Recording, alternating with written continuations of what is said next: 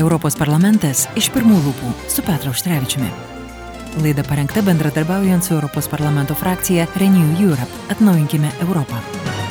Bičiuliai studijoje prie mikrofono Liudas Armanauskas, šiandien mūsų pašnekovas europarlamentaras Petras Auštrevičius. Šiandien 182 karo Ukrainoje diena, Ukrainos nepriklausomybės diena, sukanka pusę metų, štai taip greitai bėga laikas.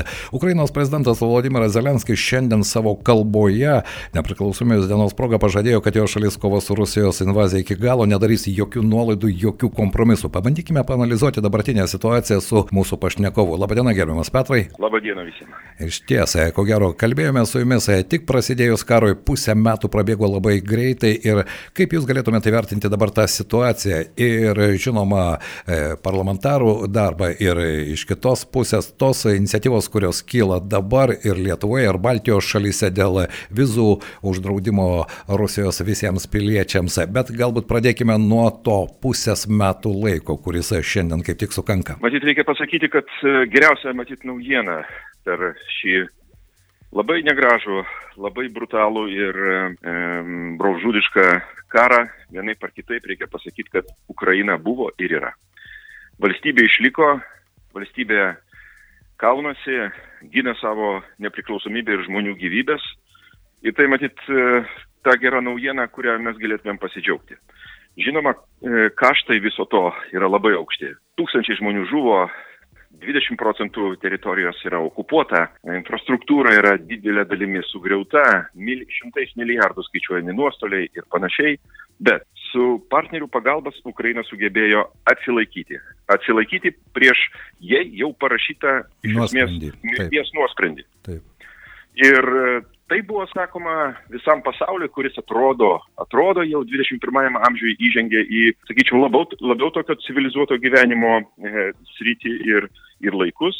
Bet anaip tol, pasirodo, Rusijai tie civilizuoto gyvenimo e, tos taisyklės ir apystovos negalioja, jinai daro tai, ką jinai nusprendžia, sugalvoja tam kažkokias legendas ir panašiai. Ir meta visą savo šalį į tokią prarąją, į kovą su taikiu kaimynu.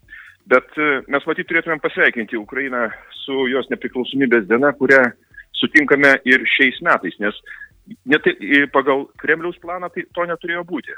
Iš esmės per savaitę turėjo įsispręsti tie reikalai, e, denacifikuota, kaip jie sako, Ukraina, pakeista vyriausybė, žinom, matyt, kas galėjo būti naujojų vadovų, tie patys korumpuoti, kurie slapstosi Rusijoje ir panašiai.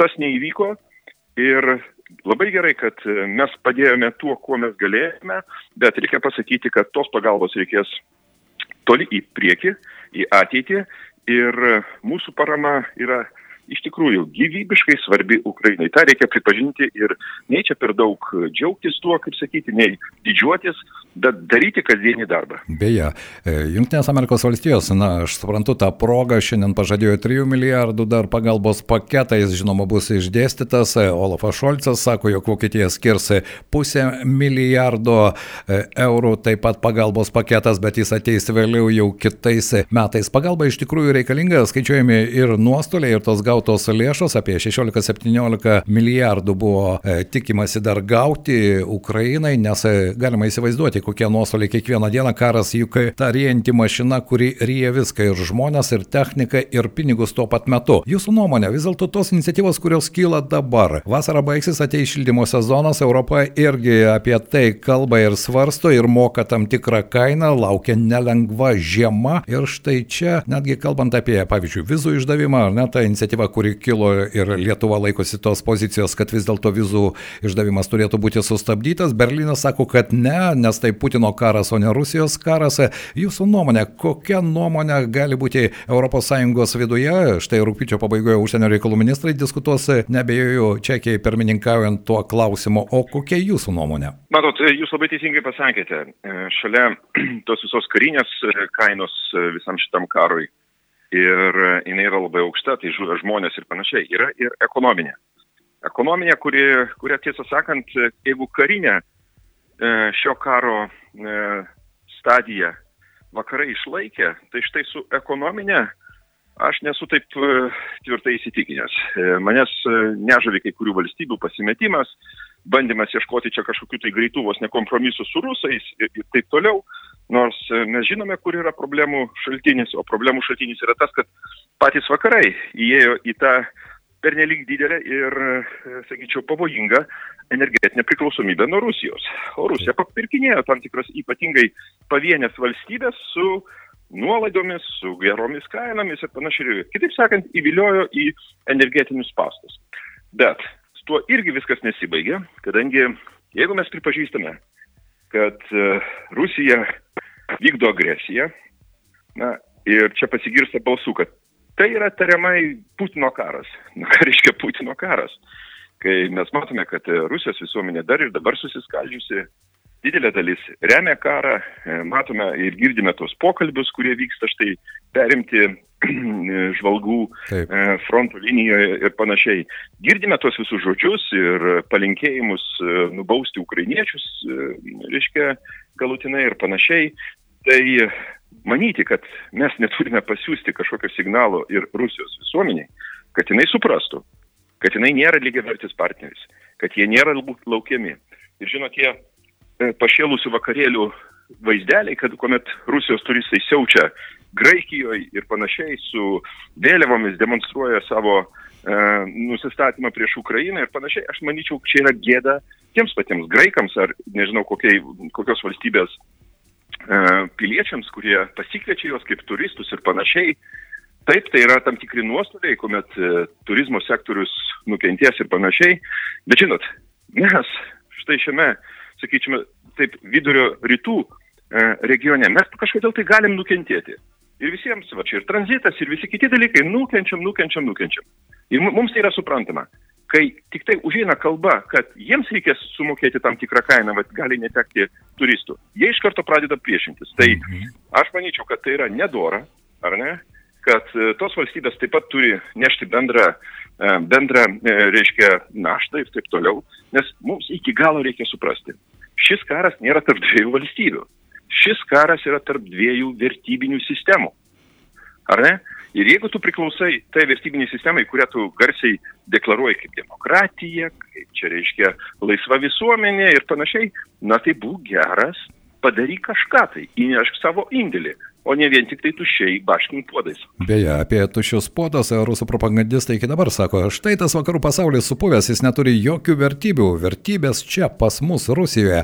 Bet iš kitos pusės, kalbant apie tą patį vasaros sezoną, kai visi daugiau galvoja apie Saulę ir atostogas, ar ne mes matome tos rusus poilsiaujančius įvairiose šalyse ir demonstruojančius savo prieraišumą ir palankumą vykdomam karui. O iš kitos pusės, e, tie patys vadinami opozicijos atstovai iš karto karto pradėjo kelti triukšmą, tai kaip čia dabar uždrausime tą vizų politiką, mes negalėsime išvažiuoti, niekas negalės išvažiuoti. Štai ta dviprasmybių žaidimas kaip ir vakarų šalis.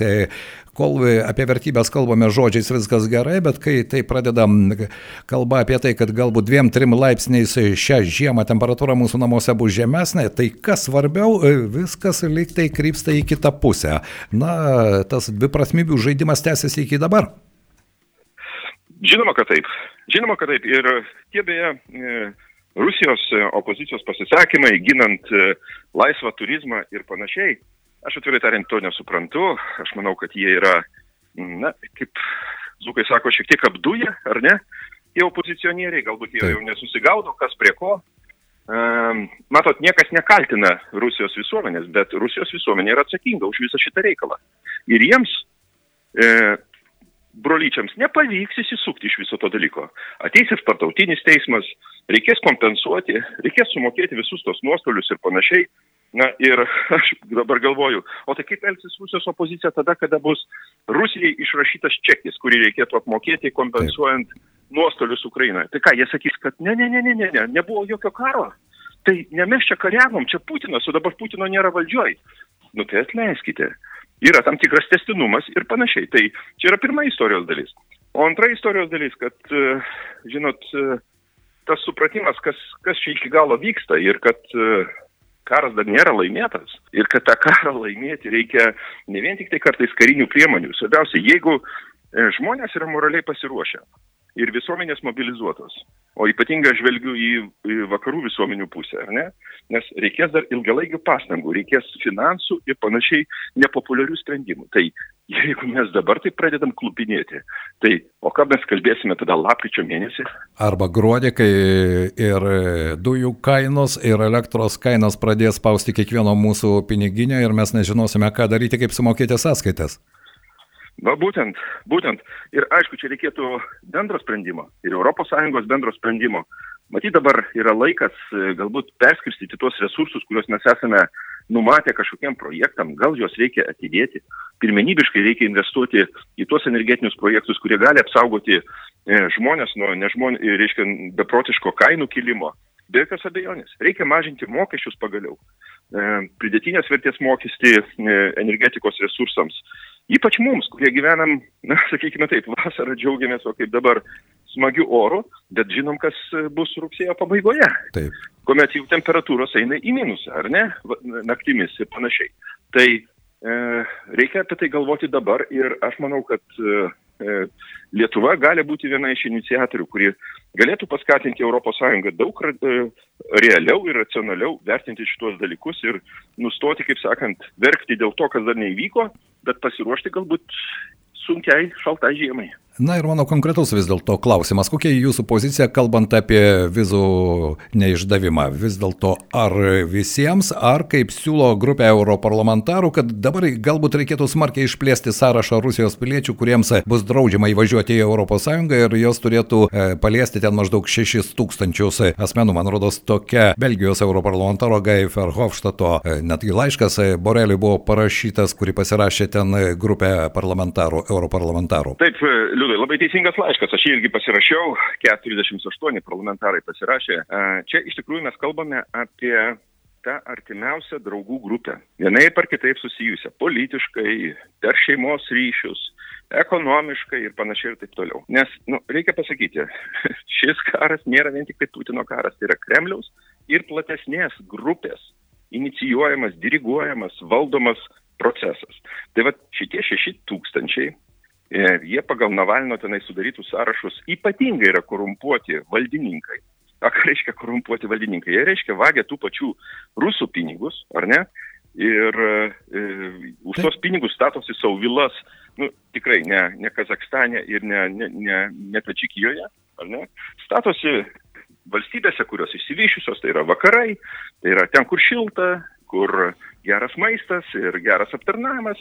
Na tai va, tai tie pinigai plaukia ir plaukia, e, reiškia, tas valstybės ir mes norime ne vien tik tai uždaryti jiems e, vizas ir kitus dalykus, nes matote, įsigydami turtą, jie gauna tenai leidimą gyventi ir panašiai, bet e, tai yra ir turto sankcijos turtui, ar ne? Nes jie turi nukentėti, už tos, e, reiškia, tas jų vilas reikia perimti ir, e, reiškia, pardavus aukcionę skirti pinigus Ukrainos palaikymui ar ne? Ir plus, žinoma, jiems draudimas įvykti, kadangi jie yra bendro nusikaltimo šalininkai. Bet yra kita, bet mes kalbame apie tos rusus, reiškia, apskritai e, bevizės režimas, e, ta prasme, e, bevizės, e, kabutėse sakau, e, turistinės vizos, ar ne? Nu tai žinoma, kad reikia mažinti tą visą skaičių. Jeigu nesusitars ES, taip, 31 rūpiučio bus ministrų posėdis ir pasitarimas. Aš manau, diskusija bus labai sudėtinga. Aš nesitikiu greito sprendimo, o galbūt ir apskritai sprendimo nebus vieningo, bet reikia imtis iniciatyvos ir skelbti, kad mes nepripažinsime šitų vizų tam tikriems piliečiams, Rusijos piliečiams ir tie turistai, vadinamieji turistai, tikrai nevyks. Tiems, kuriems reikia humanitarinių vizų tam, kad jie galėtų išvažiuoti iš Rusijos dėl persekiojimo e, ir panašiai, tai taip, čia visai kita istorijos dalis. Ir tokių, tarp kitko, nėra labai jau daug.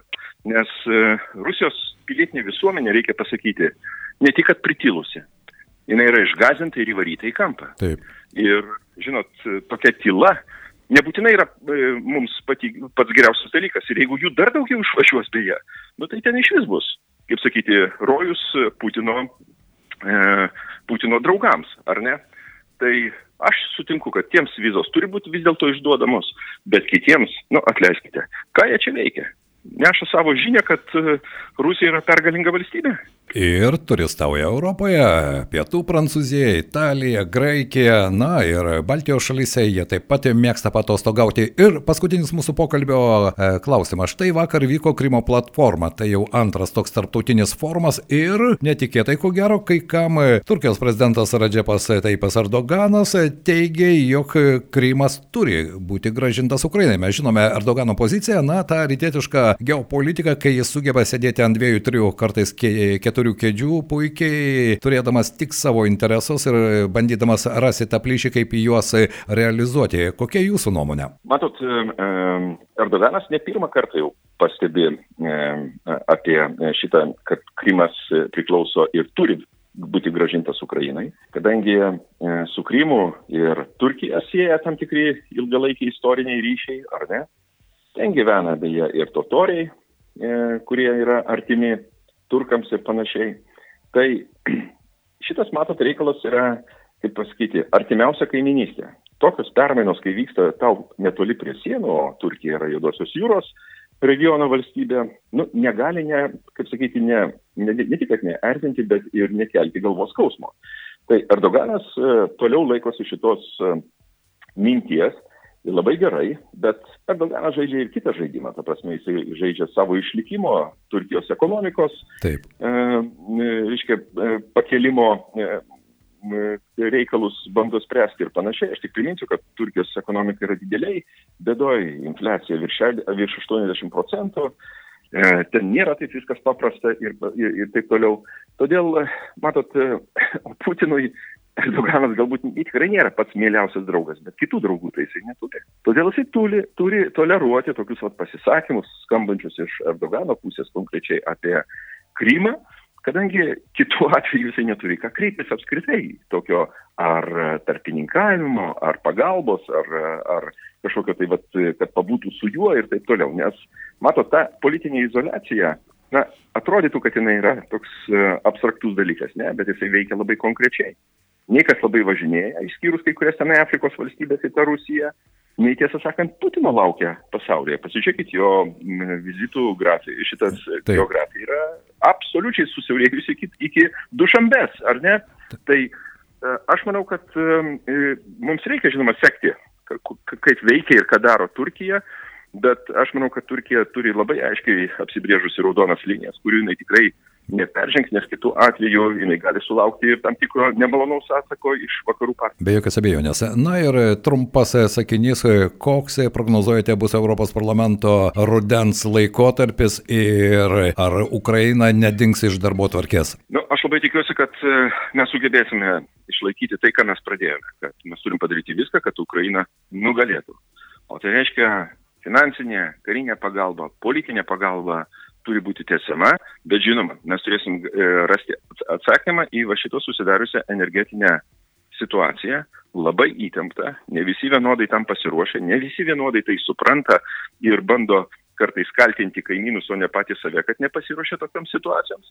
Tai aš labai tikiuosi, kad e, tose visose diskusijose mes vis dėlto surasime tą sprendimą, kuris, na, iš tikrųjų nu, tiesiog jo reikalauja realybė. Taip. Kitu atveju tai bus ir ES pralaimėjimas. Ir ne tik. Šiandien noriu padėkoti, mūsų pašnekovas buvo europarlamentaras Petras Auštrevičius. Kągi, pratesime mūsų pokalbius jau rudens sezoną. Ačiū Jums, dėkui ir gerų paskutinių vasaros dienų. Ir visiems dukams taip pat. Iki. Europos parlamentas iš pirmų lūpų su Petru Auštrevičiumi. Laida parengta bendradarbiaujant su Europos parlamento frakcija Renew Europe. Atnaujinkime Europą.